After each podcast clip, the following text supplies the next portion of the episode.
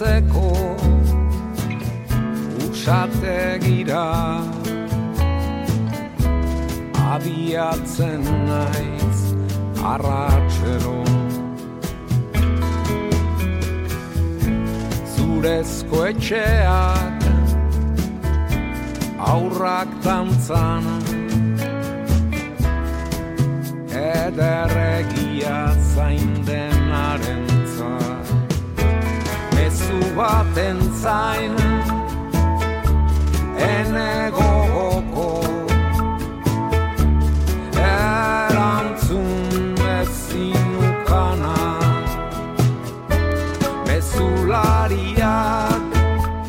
¿Qué tal estáis? Bienvenidos a esta nueva edición de La Casa de la Palabra. Vamos al rescate de antiguas entrevistas. Escucharemos al desaparecido periodista y escritor Javier Reverte, toda una referencia de la literatura de viajes. Nos presentó en noviembre de 2009 su obra El río de la luz, es la experiencia de un periplo de tres meses por Canadá y Alaska, incluido un trayecto de más de 700 kilómetros por el río Yukon. Javier Reverte siguió los pasos de Jack London y los buscadores de oro que llegaron por miles entre 1897 y 1898. Reverte cumplió 62 años en el camino y no había remado nunca anteriormente. Sin embargo, el río Yukon le llenó de energía y optimismo, le rejuveneció. Escucharemos la voz de Javier Reverte y también estaremos con Iñaki Hacha y Esther Rocamora, que prosiguen con su tour sabroso por el Asia Oriental escucharemos el cuarto capítulo de sus andanzas gastronómicas por los mercados y fogones de 11 países asiáticos. Esta vez nos llevan a saborear los platos de Corea del Sur y Japón. Terminaremos con Javier Fernández Ferreras. Expuso en 2021 en las jornadas del Mayo Fotográfico de Ibar y expuso fotografías mmm, sobre los pastores de vacas en Sudán del Sur, en concreto los Mundari. Nos hablará de sus costumbres, de sus tradiciones. Pero ahora estamos con Javier Reverte y su libro El río de la luz.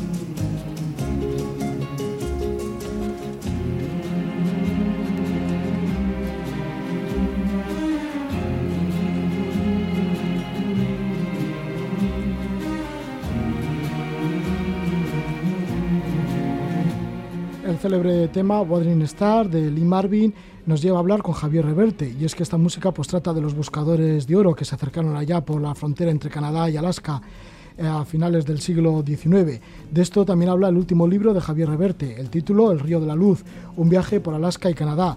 Diremos, y todos lo sabéis, muchos lo sabéis, que Javier Reverte pues es el célebre autor del libro El sueño de África, vagabundo en África, Los Caminos Perdidos de África, está la trilogía africana, luego está también anteriormente la trilogía de Centroamérica y ahora nos sorprende una vez más con este libro, que por cierto anteriormente pues también escribió El río de la desolación sobre el Amazonas, ahí se lo pasó mal porque entre otras cosas contrajo malaria le llamó al río Amazonas el río de la desolación, fíjate, y ahora que entre otras cosas ha viajado por el río Yukon, le llama el río de la luz. Le damos la bienvenida a Javier Reverte. Buenas noches, Javier. ¿Qué tal? Buenas noches, ¿cómo estás, Roger? Vaya contraste entre el Amazonas y el Yukon. Pues sí, es, eh, son para mí han sido dos, en vitalidad dos, dos, ríos muy distintos, ¿no? Uno el río tropical del Amazonas en el que lo pasé muy mal, que casi muero como has dicho, y en el que además pues vi un universo enfermizo, muy exuberante pero enfermizo como es el trópico, y este que es un río limpio, lleno de plenitud, lleno de vida y sobre todo lleno de luz, en el que me, bueno, además me afectó en el ánimo muy bien, me revitalizó, me dio mucha vida, me dio un chute de vitalidad de verdad, ¿no? Entonces fueron, son dos contrastes de dos ríos, uno casi me mata y el otro, el otro me revivió estupendamente, este río de la luz. Sí, pero anteriormente estuvo el río Congo. Que ahí nació tu libro El sueño de África. Eh, no, Vagabundo. O el Vagabundo, Vagabundo en África, sí. Allí tuve un problema bastante gordo, pero eso fue con humanos. Mm. no fue con bichos como en el Amazonas, fue con humanos. Fue que casi me matan unos soldados borrachos y marihuanados. Pero bueno, en todo caso salí bien, aquí estoy, claro. Y, la verdad es que también el río Congo fue... Tengo una manía ya con los ríos, que me estoy haciendo... me estoy, se me está poniendo cara de riachuelo casi. y, pero me gustan, me gustan mucho los ríos. Y el río Congo también fue un río fantástico, impresionante de ver, un río muy solitario, un río muy perdido, un río en el que no llega mucho la gente, llega muy poco. Quizás el lugar, uno de los, los, lugares más, más ignorados del mundo, ¿no? Yo estuve navegando ese río nueve días con mucho riesgo, pero bueno, no me arrepiento en absoluto, claro. Mm. Mira, el libro empieza muy bonito. Dices lo siguiente, si cierro los ojos todavía alcanzo a ver, como si lo tuviera delante, el paisaje de aquella isla sobre el río Yukon, en el noroeste de Canadá, muy cerca de la frontera con Alaska. Y es que resulta que luego te das cuenta, siguiendo las líneas, siguiendo la lectura, de que estás en una isla muy especial para ti. Sí, es que es una isla que está frente, justamente frente a la desembocadura de un, de un tributario del Yukon que se llama el río Stuart, donde Jack London permaneció un invierno. Jack London fue el famoso escritor que todos conocéis, ¿no? Eh, fue como un buscador de oro más cuando era muy joven eh, y no llegó a tiempo de, los, donde estaban las regiones auríferas a tiempo de, que no lo pillaran las nieves. Lo, detuvieron en el río, las nieves y los hielos y se tuvo que quedar 150 kilómetros antes de llegar a, la zona minera, a la zona donde estaba el oro, pues eh, aislado todo un invierno. Y estaba justamente en ese sitio donde yo sitúo ese primer capítulo esa primera entrada del libro, y dónde está la foto exactamente de portada. La foto de portada está tomada en esa isla que da frente a la isla donde estaba Jack London, en el río Stuart. Y claro, para mí encontrarme justamente en ese sitio, en un verano del 96, que es cuando estuve allí. Eh, bueno, del 2006. perdón, sí, sí, uy, uy, me estoy quitando años. será la, será el, vértigo a la edad, ¿no? Bueno, una isla bastante especial, porque bueno, es bien pequeñita, ¿no? Unos 400 metros de longitud, unos 200 en su punto más ancho y, en el, y en tu mapa no aparecía ni en el mapa, pero sin embargo un gran valor simbólico. Aparece un poquito, pero no tiene nombre siquiera, hace como un dibujillo pequeño. En un mapa del río de estos, de estos mapas que son muy, muy precisos, no es un mapa grande, sino que va hoja por hoja, te va diciendo cómo se navega el río, los hay, ¿no? Y de, hecho fue, fue ese mapa el que, con el que nos fuimos guiando para, para vadear, para coger las corrientes mejores, ¿no? Y ese figuraba nada, el dibujito de la isla, pero sin nombre, ¿no? Y estaba enfrente de la otra, la, stand-up se llama la otra, la más grande en la que estuvo, la que estuvo nuestro Jack London, nuestro querido y admirado Jack London. ¿Y cómo es el río Yukon? ¿Por qué te llamó con, mm. tanta, con tantas ganas? Pues me llamó por Jack London, me llamó precisamente por Jack London y por toda la epopeya de la fiebre del oro, aquella que desató una marea humana que se fue al Yukon en 1897 a buscar oro pensando que allí bueno iba a cambiar el signo de su vida. Fueron 100.000 personas, fue una estampida, le llamaron estampida en su tiempo de gente y bueno, eso se convirtió en una besanía, en una locura colectiva y entre otros iba este, pues nuestro amigo Jan London iba, iba allí como un miedo más y, escribió sobre esa, sobre esa locura, sobre esa epopeya, escribió sobre la, peripecia de todas aquellas gentes, esos maravillosos cuentos del Yukon, esas maravillosas, maravillosas historias cortas llenas de dramatismo y llenas de amor a la naturaleza, llenas de ferocidad, llenas de, de todo lo que puede tener un gran libro, un gran escritor, en la cabeza estaban esos, en esos cuentos de Jack London. Y eso es lo que me llevaba a ir, me llevó a ir porque yo siempre tengo un mito en la cabeza detrás cuando viaje, siempre, siempre tengo un origen literario he leído un libro de un lugar y quiero ir, como fui al Congo, pues detrás de ellos Conrad, y como he ido a muchos lugares porque he leído sobre ellos y eso me ha, me ha llenado el alma. Pues este me había llenado el alma, yo quería ir a Canadá, ir a, Alaska y, y, ver aquello, que cómo es eso y, cómo se siente eso, cómo se percibe. Y bueno, fui y, como siempre, no me decepcionó en absoluto, vamos, en absoluto. Bien, pues fuiste tras los pasos de Jack London para conocer lo que fue aquella quimera del oro, porque al final mm. casi fue un sueño, ¿no? La mayoría fracasaron, pocos fueron los millonarios. Sí, la quimera es la palabra que lo dice muy bien. Realmente había oro, pero claro, muy pocos se enriquecieron, los primeros que llegaron y poco más, ¿no? Se, calcula que fueron unas 100.000 personas que encontrarían oro, pongo 4.000, 5.000, que llegaron a hacerse ricos, a lo mejor 1.000 y que perdieron todo, pues la quitaron la mitad. Al final yo creo que salieron unos 400 millonarios, no mucho más.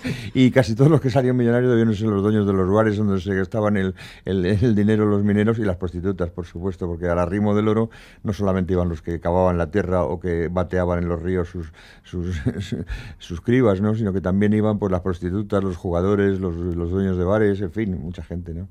Sí, ya señalas, y nos lo has dicho aquí, que fue una de las más enloquecidas aventuras colectivas de la historia de la humanidad.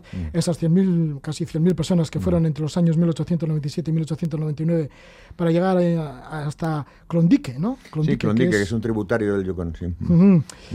Y bueno, pues llegaron a alcanzarlo solo 30.000. Y de esos 30.000, pues fíjate, me imagino que muchos perderían la vida. Mucha gente perdió la vida en los rápidos de los ríos, en el invierno feroz. Otros tuvieron que volverse para atrás porque se quedaron sin nada. A otros los robaron. Había bandidos en el camino, por supuesto.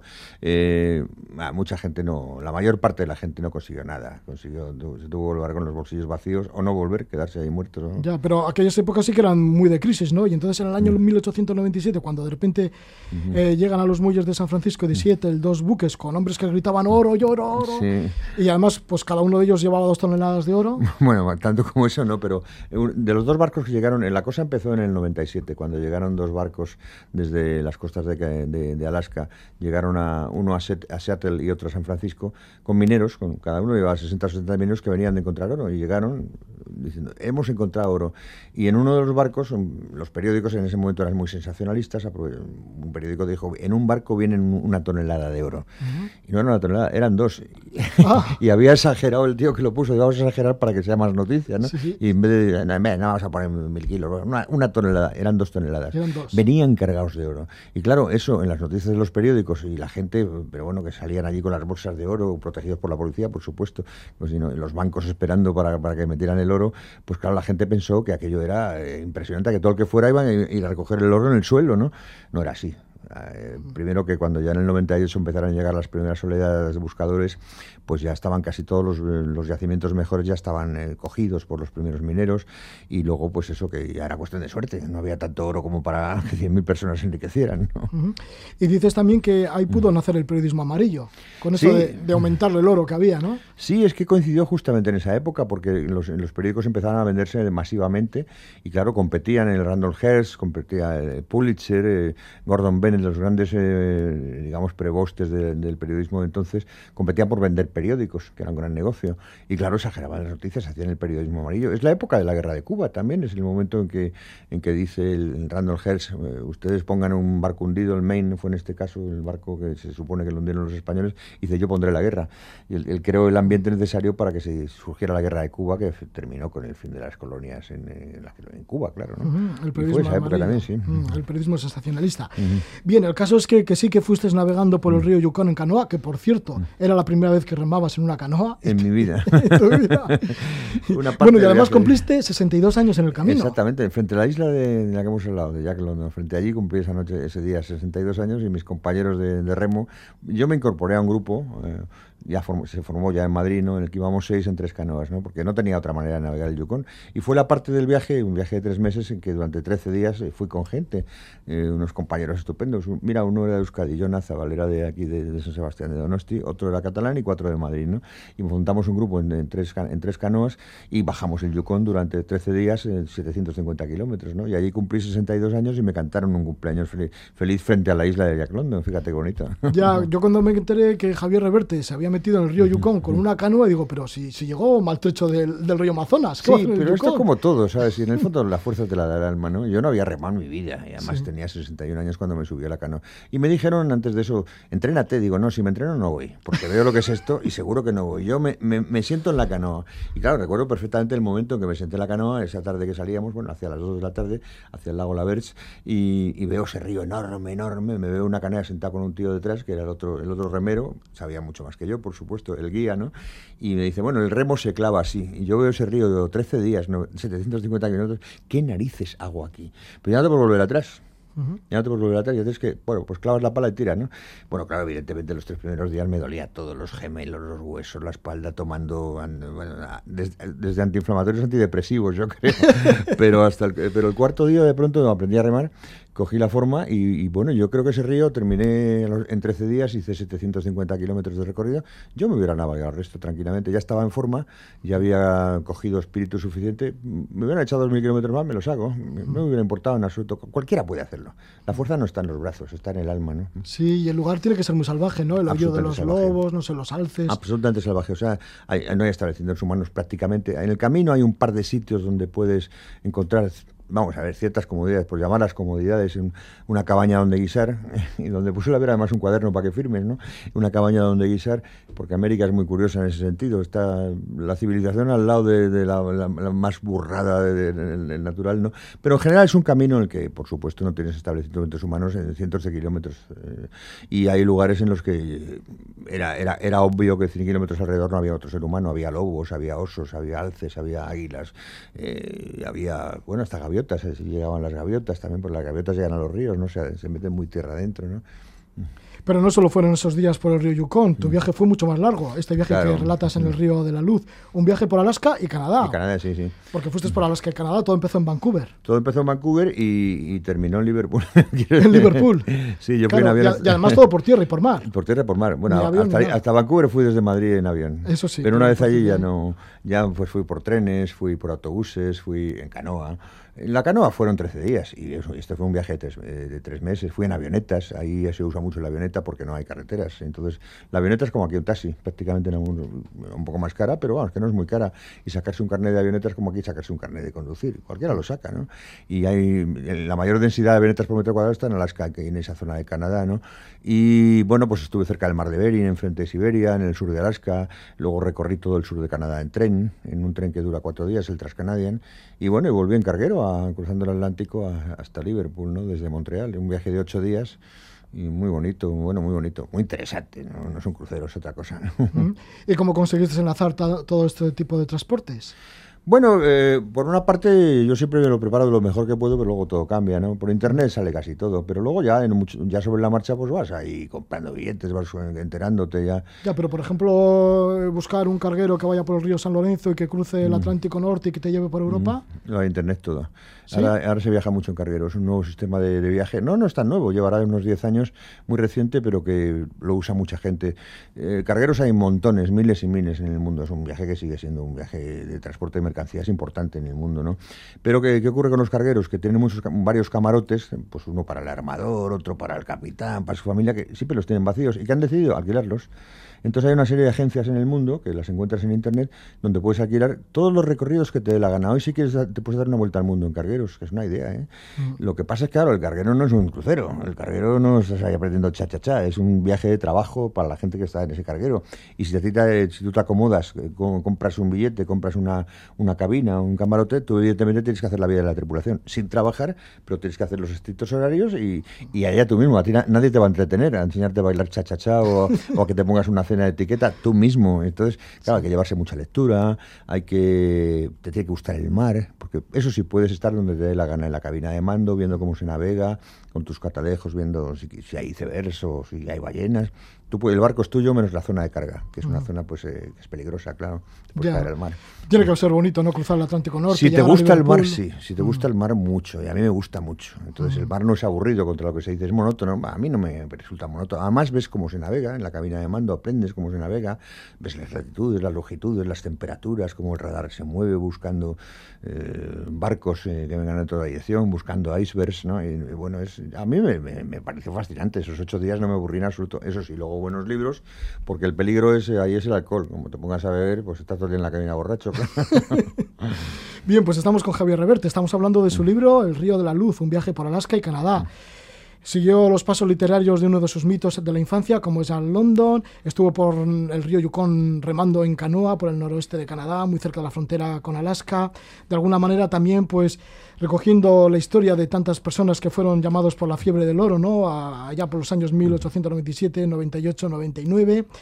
Estuviste por el río Klondike, eh, cerca de la ciudad de Dawson City, que era el, centro neurálgico. Ah, estuviste en la ciudad.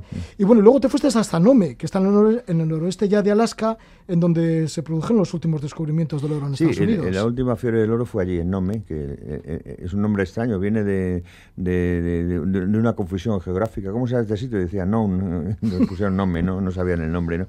Y este es un, un lugar, está frente a, está muy cerquita del estrecho de Bering, frente a Siberia. Es un lugar ya desolado. Ya, ahí ya no son bosques como, como en Alaska o Canadá, los que recorrí antes. Es tundra pura, es un lugar, lo que es la tundra, desértico, sin árboles, muy, muy frío, muy duro, y donde la gente que vive allí se dedica a la pesca del cangrejo famoso, el cangrejo de Alaska o chatka, ¿no? ese que venden los rusos, y mm, no es, no es precisamente hermoso, pero sí es un lugar muy, muy, muy llamativo y muy grandioso. ¿no? es el lugar, el punto más nórdico que llegué en ese viaje, y de ahí bajé pues al sur de Alaska otra vez, a, a los territorios donde están los osos, a un poco a ver la naturaleza. Me fascina la naturaleza, ¿no? Y siempre que puedo me pego una ducha de, de vida natural, ¿no? Sí, la naturaleza, pero también te embulles mucho en las librerías, en los autores, porque parece que tienes un rito cada vez que vas a una ciudad, como cuando llegas a Vancouver, lo primero que haces es, eh, bueno, buscar los libros de algún autor de los tuyos, ¿no? Sí, y sobre todo busco en estos lugares, en las librerías, incluso en las pequeñas librerías, en las pequeñas papelerías de las pequeñas comunidades, siempre hay algún folleto, que claro, no vas a encontrar ni en una librería en España, ni lo vas a encontrar en Internet, ¿no? Eh, siempre hay folletos que te hablan de la historia de ese lugar o que te dan una perspectiva de histórica que tú no has podido. Y claro, al final voy comprando muchos libros. Las librerías son unos lugares para mí capitales en los viajes. Vas comprando muchos, vas cargando el pétate y lo que yo hago ya es, mandarlos por correo, claro. Mandar por correo por las, los post office estos canadienses es relativamente barato y te descargas de equipaje, ¿no? O sea, al final vas muy suelto de equipaje eh, porque eso es fundamental en estos viajes largos, es no llevar mucho equipaje. Yo nunca he aprendido a hacerlo bien del todo porque soy un poco desastre en general en, en mi vida, pero todavía me planteo hacer un curso con alguien que sepa hacer bien maletas, para no llevar algo que sea inútil. Pues fíjate los viajes que llevas ya, que todavía no sabes hacer bien las maletas. Siempre hay algo que pasa y digo, ¿para qué narices he paseado todo esto y he vuelto con ello? Podría haberlo tirado a mitad del camino y ¿para qué me lo llevé? ¿no? Siempre hay alguna cosa que te sobra. Y ya, hay un viejo refrán español que dice, en un viaje hasta una pluma tiene mucho peso. ¿no? ya, pero sin embargo tú te ilustras muchísimo. Bueno, por lo que se puede comprobar en tus libros, porque están eh, documentados, pero hasta el dedillo, hasta, hasta mínimos detalles. Sí, yo empiezo documentándome como tres meses antes todo lo que puedo. Estoy documentándome al dedillo porque yo creo que es fundamental, porque claro, en mis viajes no solamente hablo de mi viaje, hablo del pasado, de los lugares que recorro, del pasado, pero no con un afán de historiador, hablo con un afán de, curioso. Es decir, ¿qué, ¿qué historias del pasado de este lugar me han emocionado? No qué historia se tengo que dar el dato porque el dato tiene que existir. Yo no tengo un afán pedagógico ni mucho menos. Mi afán es de emocionar. Y a mí hay muchas historias de la historia que me emocionan, ¿no? Y claro, aquella que me emociona es la que investigo. No aquella que es un dato que me va a contar cómo es Canadá, esa me da igual. Canadá está en las bibliotecas y lo tienes en cualquier libro de historia. A mí me interesa el dato concreto o la historia específica que puede emocionar, que me ha emocionado a mí, y si me ha emocionado a mí, igual le emociona al lector. Eso, y ahí sí que investigo. Ahí me pongo las pilas bien a fondo y trato además de narrarlo de una manera que no sea académica y aburrida, sino contando una historia de la historia. ¿no? Trato de contarlo como un cuento. Sí. Mira, fíjate, pues la, historia igual tantas veces leída, ¿no? Sobre John London, sin embargo la escribes tú y es que te atrae el personaje tanto... Pues eso, que nació en el año 1876 en San Francisco, que trabajó desde que tenía 14 años, que compró una balandra y robaba ostras, era pirata de ostras. de ostras. sí, sí, que cazaba focas en el mar de Bering, que hizo la marcha a Washington, porque por aquel entonces también había una gran crisis y todos los parados de, Estados Unidos se fueron para, para Washington. Mire, iban con la idea de... Me ha hecho mucha gracia, porque iban con la idea de pedir allí al presidente reivindicar de que les por lo menos les ponga a trabajar en los caminos, haciendo aceras, lo que hoy se lleva también en el tema de la crisis. Pues, fíjate, las ideas del capitalismo pues salir de la crisis la llevan ya ellos, pónganos a hacer aceras. Eso, pónganos a hacer aceras, lo que se lleva ahora con esta crisis actual, ¿no? Por desgracia, pero bueno. En esa época todo el mundo estaba en crisis, no había crisis puntuales, había mucha hambre. Ya, ¿y qué otras historias te han ido emocionando por el camino? Sobre todo la, búsqueda del oro, las historias de la búsqueda del oro, pues esa marea humana que se movió, pues eran, interesantísimas, ¿no? Y, y encuentras elementos naturales eh, laterales, por ejemplo, ejemplo, toco un poquito, pero no mucho. Luego, luego me he enterado de más cosas, pero ya estaba el libro publicado. En, uno, en Dawson City, en una de las cosas que vi en, una, en la pared de un bar, de un bar de estos de estilo este, la cabeza de un toro disecada. Un toro que mató en la plaza de Yecla, en Alicante, un tal Antonio López, que era un torero de esa época, por lo visto. Digo, ¿qué hace aquí la cabeza de un toro de 1897? No, 1896. Bueno, investigué algo y pensé al final que podía ser la cabeza de un toro que se llevó algún español que puso ahí un bar. Y vete a ver si en esa época llegó un español y puso un bar de paellas. O un vasco que puso de mano y taco. Porque los barcos me dejáis muchos, ¿no? Y, pero bueno, no llegué mucho más lejos. Pero estaba el retrato del torero y estaba la cabeza. Y luego ya me he enterado que por lo visto es un tío que la llevó hace no mucho tiempo, que quiso poner un negocio por ahí, se llevó la cabeza. Bueno, en fin. bueno, hay muchas historias curiosas. Por ejemplo, yo cuento la historia también de Wyatt Earp. ¿Te acuerdas del pistolero famoso? Este que, que se han hecho mil películas de él, El duelo en OK Corral, el de Pasión de los Fuertes de John Ford. Pues este estuvo allí, este tuvo un casino, un casino dedicado al juego y a la prostitución y se enriqueció. él no buscó, ¿no? No, él sacaba el dinero a los que lo buscaban. ¿no? y estuvo Wyatt Earp allí, sobre todo en Nome, eh, también en Juneau, en el sur de Alaska. Bueno, todas las historias, la historia de Wyatt Earp también la, cuento, cómo llegó hasta allí, cómo fue el duelo en el OK Corral famoso. Otra historia de un duelo muy famoso que hubo en Skagway entre un famoso pistolero, entonces se llama Soap, Soapy Jim, se llama Soapy Jim, eh, jaboncito Jim, ¿no? Y bueno, todas estas historias pequeñas historias de la historia que a mí, sin embargo, me fascinan. Me gusta contarlas y documentarme bien de- con ellas. Pero contarlas, ya te digo, como si contara un cuento. ¿Y cómo trabaja Javier Reverte en, en estos viajes? Llevo siempre un cuaderno de notas. Sí, sí. Pero después de una jornada tan fatigosa, ¿cómo te puedes poner a escribir? Pues es que lo hago. Es que ¿Sí? sí, yo todas las noches me siento, o, o por lo menos cada dos noches, y con todas las notas que he ido tomando en un cuaderno pequeño durante el día, tomo notas durante la noche. Es mi ejercicio, yo no hago otra cosa. Entonces me dedico a viajar y, me- y para mí es un trabajo, pero es un trabajo tremendamente gratificante. Es que me gusta. A mí hay mucha gente que me dice, ¿y tú cuando viajas por placer? Digo, si mi placer es ese, viajar para escribir. Yo, un, viaje así eh, con un grupo de gente para visitar unas ruinas, a mí es que no me gusta. Porque primero las ruinas no las entiendo. Veo un montón de piedras ahí y nunca me entero de nada. Soy un torpe para entender lo que eran esas ruinas, ¿no? Y segundo, porque para mí los viajes tienen que tener una emoción. Y la emoción mía, ¿cuál es? Escribir. es la que más de todo, ¿no? Ujú. Javier Reverte con el Río de la Luz, este viaje por Alaska y Canadá. El Río de la Luz, esa luz siempre la llevas dentro, como por ejemplo el Amazonas te dejó un tanto desolado. Sí, y sin embargo esta me ha devuelto una vitalidad enorme. Bueno, yo la verdad es que cuando volví de este viaje he venido con un chute de vida que todavía conservo, volví hace tres años casi, hace tres veranos ha hecho ahora, y bueno, tengo todavía el optimismo que me comunió- comunicó el río Yukon. Y de hecho ahora cuando me estás preguntando y estoy recordando el Yukon, estoy otra vez recobrando el optimismo. Sí, sí. es un libro muy optimista. Eso es, sí, señor. Muy bien, pues muchísimas gracias, que sigas con ese optimismo. Javier Reverte, con nosotros, todo un honor, autor del, del libro El Río de la Luz, un viaje por Alaska y Canadá. Pues gracias, Roger. Muchísimas gracias. Que vaya todo bien, Ludita, Plaza y Janés. Un fuerte abrazo, Javier. Un Hasta abrazo. siempre.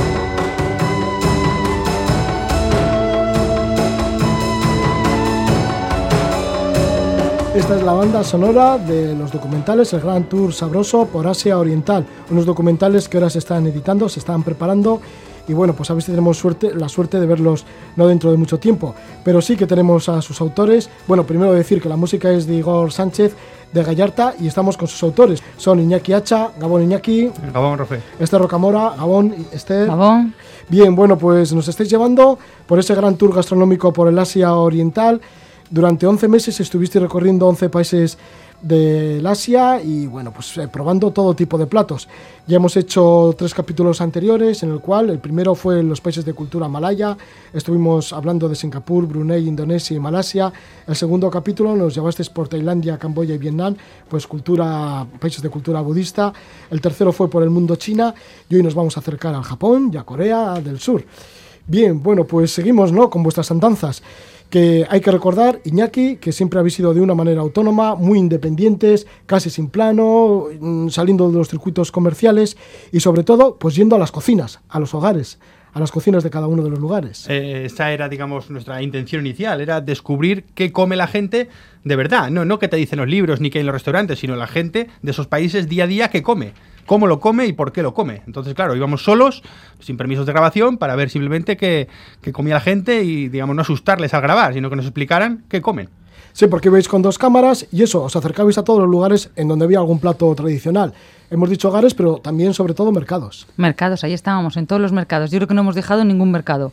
Nos hemos visto todos. Y una forma obsesiva. Sí, y no habéis dejado de probar ni un plato. Ni un plato. Además, nosotros aconsejamos que la gente cuando vaya a Asia vaya a los mercados, porque allí se puede comer y, y se come lo auténtico. Se puede comer de, de todo lo que comen ellos. Después de varios meses por, por Asia, por un montón de países de Asia, vais hacia el Japón y lo hacéis por mar desde China. Sí, ya habíamos estado en Japón antes, entonces queríamos, digamos, desde China una introducción a Japón. Sí, en un anterior viaje, En ¿no? otro viaje habíamos estado, entonces... también estuvisteis por la Polinesia, Sí, etcétera. sí, sí, un viaje, Zelanda, Australia. fue un viaje de esos de, de mochilero que se hacen, que estuvimos por muchos países, pero en este caso eso queríamos, digamos, ya que íbamos a investigar la cocina de Japón, pues darle un toque diferente, entonces fuimos dos días en barco, en un barco no en un crucero, sino en un barco de pasajeros normal, allí dos días hasta llegar, digamos, hasta Osaka y fue una experiencia bastante no sé, otra forma diferente de entrar, otra forma de cambiar un poco la mentalidad de la locura china al orden japonés. Sí, porque hasta ahora os habéis divertido bastante en tantos mercados populares y bulliciosos, ¿no? Sí, sí. Sin embargo, en el Japón, ¿con qué os encontrasteis? Pues en Japón nos encontramos con lo que todo el mundo sabe que es Japón, un país muy tranquilo donde todo está normalizado, todo tiene normas, tienes que seguir un procedimiento para cualquier cosa y cambio totalmente. Es el país que menos se parece a cualquier país de Asia y la verdad que lo pasamos un poquito mal, hay que decirlo. Cuando tú vienes de la vida de Asia y te encuentras con un país en el que esa vida desaparece completamente, hay mucha menos vida que en, que en Europa, pues entonces la verdad es que no lo llevan muy bien. ¿sabes? Eh, Esa alegría con la que ibas viajando, ahí se pierde. Sí, incluso antes de tomar tierra en Japón, porque creo que gritaste Okinawa, ¿no? Sí, cuando, porque cuando estaba- viste tierra No, desde nos- el barco. Claro, nos avisaron los japoneses cuando estábamos en el barco que ya se veía tierra japonesa. Entonces, pues bajamos ahí para verla y entonces dije yo, señalando, ¿no? Un japonés, un hombre mayor señalando y dije yo, ¡Okinawa! Y entonces, de repente, abren todos los ojos como platos, me miran, empiezan a señalar a Iñaki diciéndole que me pegue, que cómo había osado yo a ¿Que le decir... sí, Sí, sí, sí, sí. así que además, así con la mano, pégale, pégale, dice, porque cómo había osado yo, cómo me había atrevido a decir tan alegremente que eso era Okinawa, que Okinawa quedaba a no sé cuántos miles de kilómetros al sur, como que no lo ven normal que una mujer, y más si es una mujer, se lance a decir algo sin pensar, así con una alegría de, ala, Sí, Okinawa, bueno, y Okinawa Sí. quedaba muy lejos, ¿no? Pero Bueno, claro, pero- tú y además- te emocionaste porque viste Sí. Japón y dijiste, en vez de Japón, Okinawa. Okinawa. Y entonces, y además ya avisaron a más japoneses contando toda la mañana la historia de yo cómo me había atrevido a soltar Okinawa alegremente. O sea que ya, bueno, ya, Ya veías, sí, ibais precavidos. sí, ya sabías que el japonés no iba a ser como en el resto de Asia. Ya, que no podías contar las cosas, No, decirlas con tanta alegre, alegría. no. Bueno, el caso es que ya estáis en tierra, en el Japón, y por dónde os movéis. Pues nada, en Japón decidimos un poco, eh, teníamos que investigar qué come la gente de Japón. Y eso es más fácil que en otros países de Asia que hemos estado. ¿Por qué? Eh, porque en Japón es muy fácil moverse, es un país muy moderno, hay restaurantes de todo tipo, bien señalizados, es fácil moverse en inglés. Entonces, claro, era un poco soso simplemente probar lo que come un japonés todos los días. Entonces, para darle más dificultad, decidimos, vamos a comer todos los platos típicos japoneses, pero en el sitio más barato posible. Entonces recorrimos casi todo el país buscando los sitios más baratos para probar, pues desde el sushi, la tempura, la ternera de Kobe, lo que son todos los platos japoneses. ¿Cómo son estos platos japoneses? Pues- Porque sí, es una, una gastronomía muy característica, muy especial, ¿no? La japonesa. Sí, es una gastronomía, que decir que manda el pescado, eso lo sabe todo el mundo, manda el pescado, tanto carne como pescado, siempre en una cantidad muy pequeñita. Eh, es una cocina suave, muy sana, poca grasa, poca sal, da poca energía, o al menos eso es lo que nos pasaba a nosotros. Nunca teníamos energía en Japón, por más que comíamos. Y, y nada, y no sé, es, una, es que es una cocina Normalizada, Sí, normalizada. Da igual. Pero es, es no saludable por lo que contáis, ¿no? Sí, saludable es saludable, vamos. Más saludable no puede ser. Porque algo que te deja con tan poca energía tiene que ser muy saludable. Es que, es que no entiendo. Poca grasa, poco azúcar y poca sal, ¿sabes? Y vienes de, veníamos, ya te digo, de Tailandia, de Camboya, Vietnam, China. sabores, sabores, especias, curries, especias.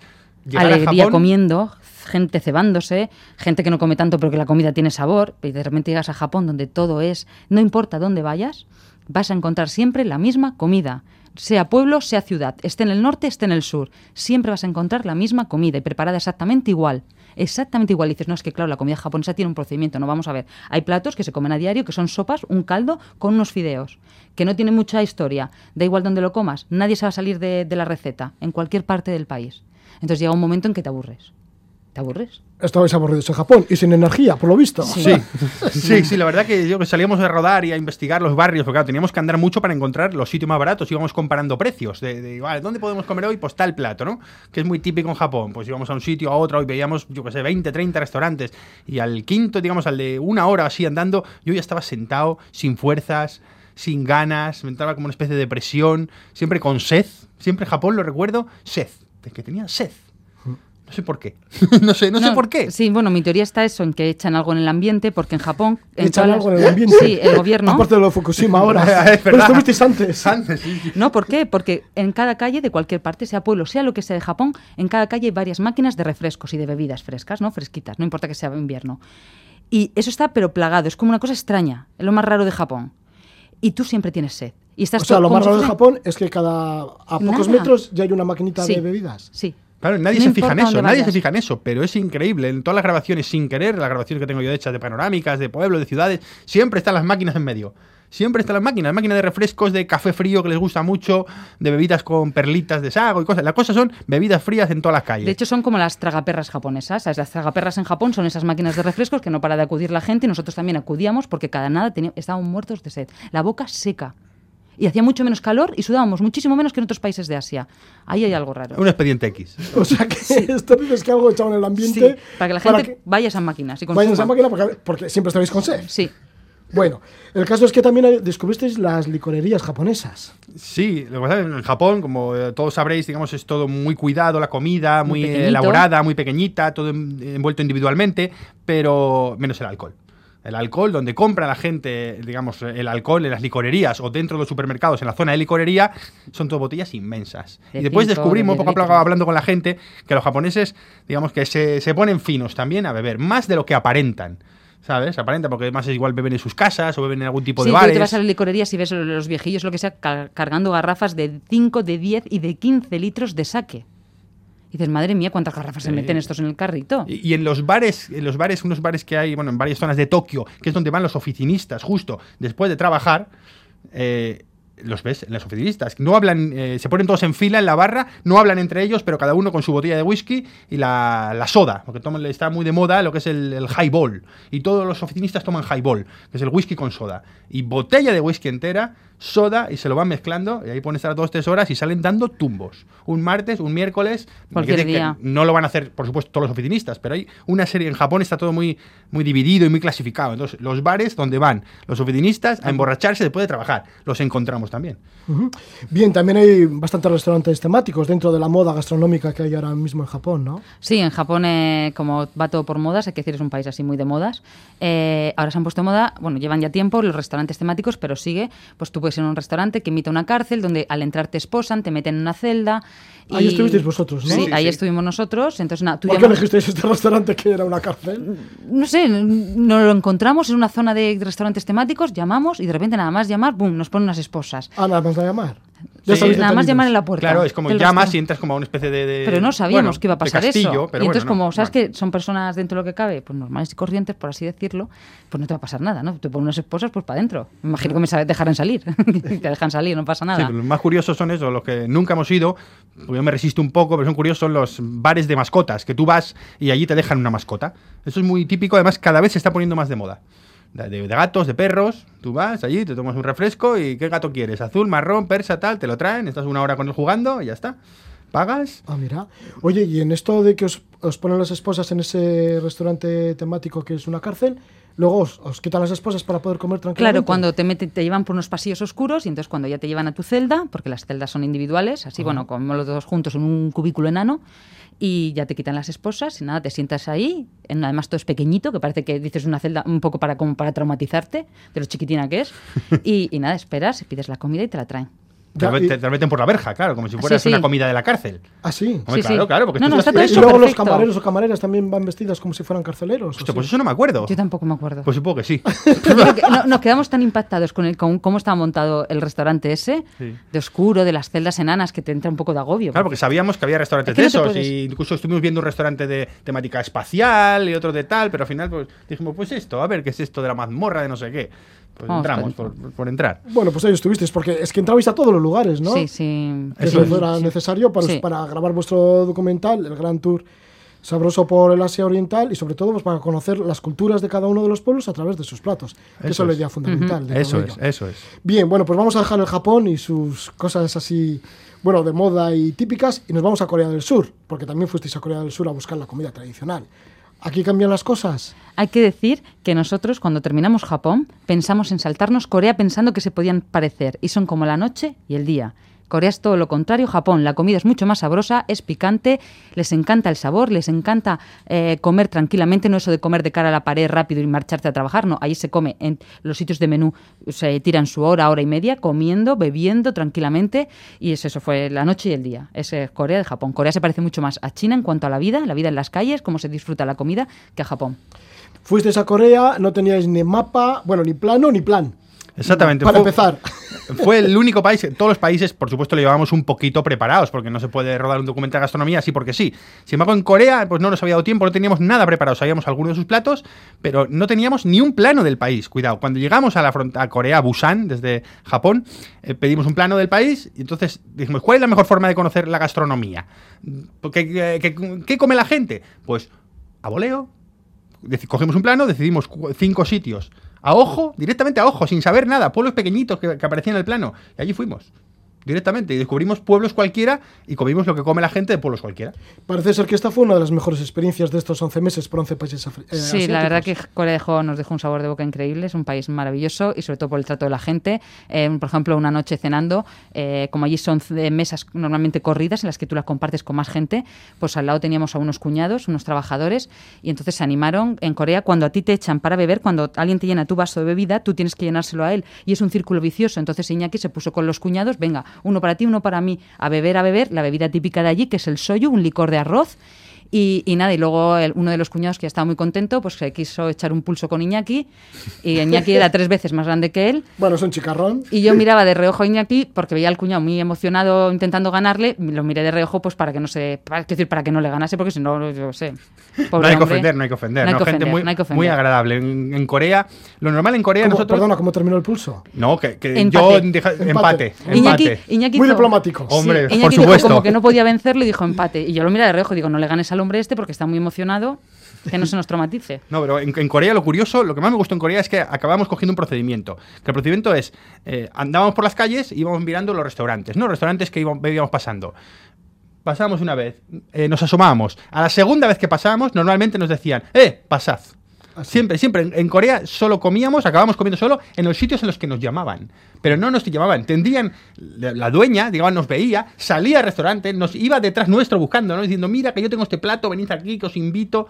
Así comíamos en Corea. Decidíamos el restaurante. El restaurante en el que más fiesta había, el restaurante, o los Sí, hombres. festivo. Hay muchos restaurantes de hombres en Corea, hay que decirlo. Aunque no es un país machista, entonces, sobre todo en restaurantes de hombres, enseguida, cuando los hombres coreanos, en un pueblo perdido, nos veían pasar por delante del restaurante, decían, ¡eh! ¡uh! Supongo que nos dirían, occidentales, venid para acá. Y entonces se montaba la juerga. Se y esa cena era una cena inolvidable. Y así todos los días en Corea. bebida, risas, y no tenemos ni idea de coreano, ¿eh? Nosotros. De hecho, ¿Y yo no cómo se decir- entendíais entonces? ¿Entre risas y Al final gestos? sí, gestos y cosas así, te vas entendiendo, es un punto. No sé cómo nos entendíamos, pero anda que no hablamos en Corea con gente. Sí, Ellos ¿verdad? hablaban en coreano, nosotros a veces en inglés, a veces en castellano, porque da igual cómo nos iban a entender. Y acabamos llegando, ¿sabes? Aprendiendo cosillas el uno del otro. Pues cómo eran aquellas cenas entonces, ¿cómo podían terminar estas cenas? Pues eh, imagínatelo, siempre regadas muy bien de soyu, del soyu, pero muy bien O regadas sea, de este licor de arroz. Sí. Entonces, eh, siempre la comida, mm, sobre todo las comidas de hombres, que digo yo, esas, esas comidas que hacen fuertes, sobre todo cenas de color rojo, de carnes, De con mucha guindilla, tomate, después también se acompaña de, de verduras crudas, es como muy así, muy fuerte, la comida muy fuerte y acompañada de mucho soyu. Varias mañanas ya me levanté yo perjudicado del estómago, normal, imagínate, a veces... ¡puh! Pero tenía mucho, tiene mucho aguante vuestro estómago, ¿no? Porque fíjate, Sí. 11 meses por 11 países probando todo tipo de platos. Sí. Ya puede ser el que sea, ¿no? Sí, sí, no, no, yo creo que tenemos un aguante ya increíble. Lo que sea, que nos echen lo que sea, Sí. que lo digerimos. Además, yo me he acabado, estoy, digamos, eh, he pro- no solo probado, sino que de todos los platos, yo que tengo más saque, soy más grande y más, más, más valentorro, ¿no? Que, que Esther, prácticamente me he acabado todos los platos que me han servido. Todos. O sea, ¿Te has de- acabado todo? Todo, todo. Todo, todo, siempre. Sí, no, eso de... En estas fiestas coreanas, yo que sé, Ale, No, venga, no, toma más. sí, y además por eso- decían eso, toma más. O lo que ¿Solo sea. toma más? Sí, Sí. sí, claro. Y no, claro. y tú eso- tomabas más. Sí. Y no, y no, por eso nuestro documental es un documental real, porque nosotros todo lo que nos han puesto en la mesa siempre nos lo hemos comido. Y los platos vacíos. Siempre. Es decir, eh, queríamos que fuese sentir nosotros también esa comida, no lo típico que llegas, pruebas y dices, uy, no me fío. Corta, ya está. Hago que me lo como y se ha terminado. No, siempre nos lo comíamos todo. Sí. Eh, Yo, yo te digo, el único plato, comida, el no. único plato que no me acabé, me recuerdo, es en, en- en Indonesia, que pedí en un sitio de comida padang, sesos, sesos de ternera, que estaban crudos por dentro. Entonces, Entonces, nos- claro, un bolón enorme de sesos de ternera y crudo por dentro, ahí lo de dentro no me lo comí. Sí, sí, que puede ser Sí, que dices, no ¿no? está Claro, porque estaba crudo. No, sé, no creo que eso no se coma crudo. Porque había comido yo sesos y otra comida padang en otros sitios y no era así. Entonces, bueno, pues yo qué sé. Simplemente es eso. No, no me comí eso, pero porque creo que no estaba hecho, nada más. Bien, volviendo a Corea del Sur, y ya para terminar, otra de las características de Corea del Sur que encontrasteis dentro del tema de la gastronomía son los ultramarinos. Sí. Las tienditas de ultramarinos, que Sí. debe haber muchas por Corea del Sur. En casi cualquier calle de cualquier ciudad y, cualquier pueblo hay unas las tiendas típicas estas que conocemos aquí, chiquitinas de toda la vida, de barrio, donde se va a comprar cualquier cosa cuando tienes una emergencia. Pues en Corea tienen mesitas fuera y tú la puedes usar como restaurante, como bar. Tú entras a la tienda, te compras una cerveza, te compras una bolsa de patatas, te sientas en las mesitas esas que ellos ponen fuera y allí puedes pasar la tarde y te sale baratísimo. Sí, y son, lo usa todo el son puntos de reunión, sobre Sí. todo cuando las, eh, los niños salen del colegio, ¿sabes? Entonces se reúnen ahí las madres, pues les dan un bollo, les dan tal, entonces un poco sitio de reunión muy bien, son sitios privilegiados, sentarte en una mesa de esas para ver la vida. Sí, ver cómo ver la pasa vida la vida de. Corea, la vida de los barrios delante tuyo. Bien, bueno, pues ya llegamos ya al final de, esta, de este cuarto capítulo en el que nos habéis llevado por tanto por Japón como Corea del Sur, probando todo tipo de platos, los platos tradicionales de cada uno de los países. En Japón sí que os habéis metido kilómetros y kilómetros buscando la comida tradicional, pero además que sería, que sería barata. Y luego, bueno, la gran sorpresa que os ha llevado a Corea del Sur, en la cual iba sin plan ni plano, pero sin embargo os habéis pasado bomba. Pues muchísimas gracias por haber estado con nosotros. Suerte. Venga, nos vemos.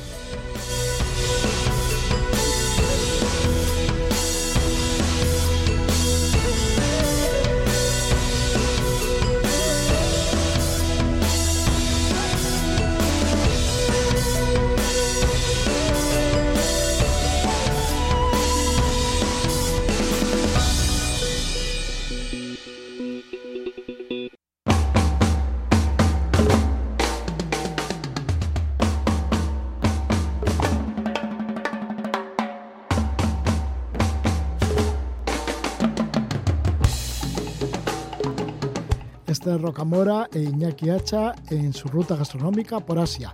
Este ha sido el capítulo cuarto con los platos de Corea del Sur y Japón. Unas entrevistas que realizamos a Iñaki y Esther en el año 2011. Continuamos con esta nueva edición de la Casa de la Palabra y ahora nos vamos a conocer a los, pastores Mundari en Sudán del Sur. Hasta allí se ha acercado Javier Fernández Ferrera. Él es fotógrafo, viaja con su cámara en busca de tradiciones, costumbres ancestrales y también festividades. Son experiencias muy físicas, nos va a contar una de ellas y esta entrevista la realizamos justamente cuando expuso en el año 2021 en las jornadas del Mayo Fotográfico de Ibar. Escuchamos a Javier Fernández Ferreras.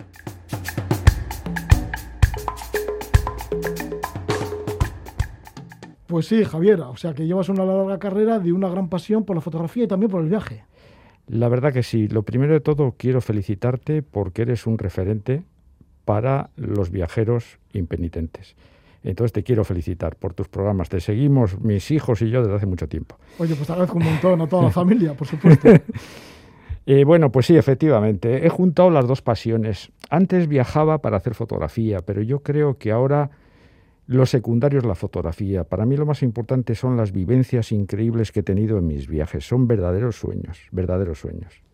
Sí, y lo que expones en Ibar, además, es algo como, bueno, es tan realista y, sucede en una parte del mundo que no tiene nada que ver con la nuestra, que parece mentira, parece casi y todo imaginario, ¿no? Pero lo has visto y lo has retratado, y es verdad. Y es que te fuiste a Sudán del Sur, uno de los países que dicen que es de los más peligrosos que hay en el mundo. Correcto, correcto. Allí fui y ya ves. Unos dicen qué valiente es, eres, otros dicen qué loco estás. Bueno, no sé. Yo creo que más bien la segunda que la primera. A raíz de ver unas fotos hace años de Sebastián Salgado sobre los Mundari ahí de Sudán del Sur, pues oye, yo siempre tenía en mente ir a fotografiarlos. Lo que pasa que siempre la información que tenía era que era muy peligroso ir, muy peligroso ir. Y bueno, pues por fin, este año pasado, el 20 y el 21, porque lo he repetido ahora este año, pues estuve, estuve allí.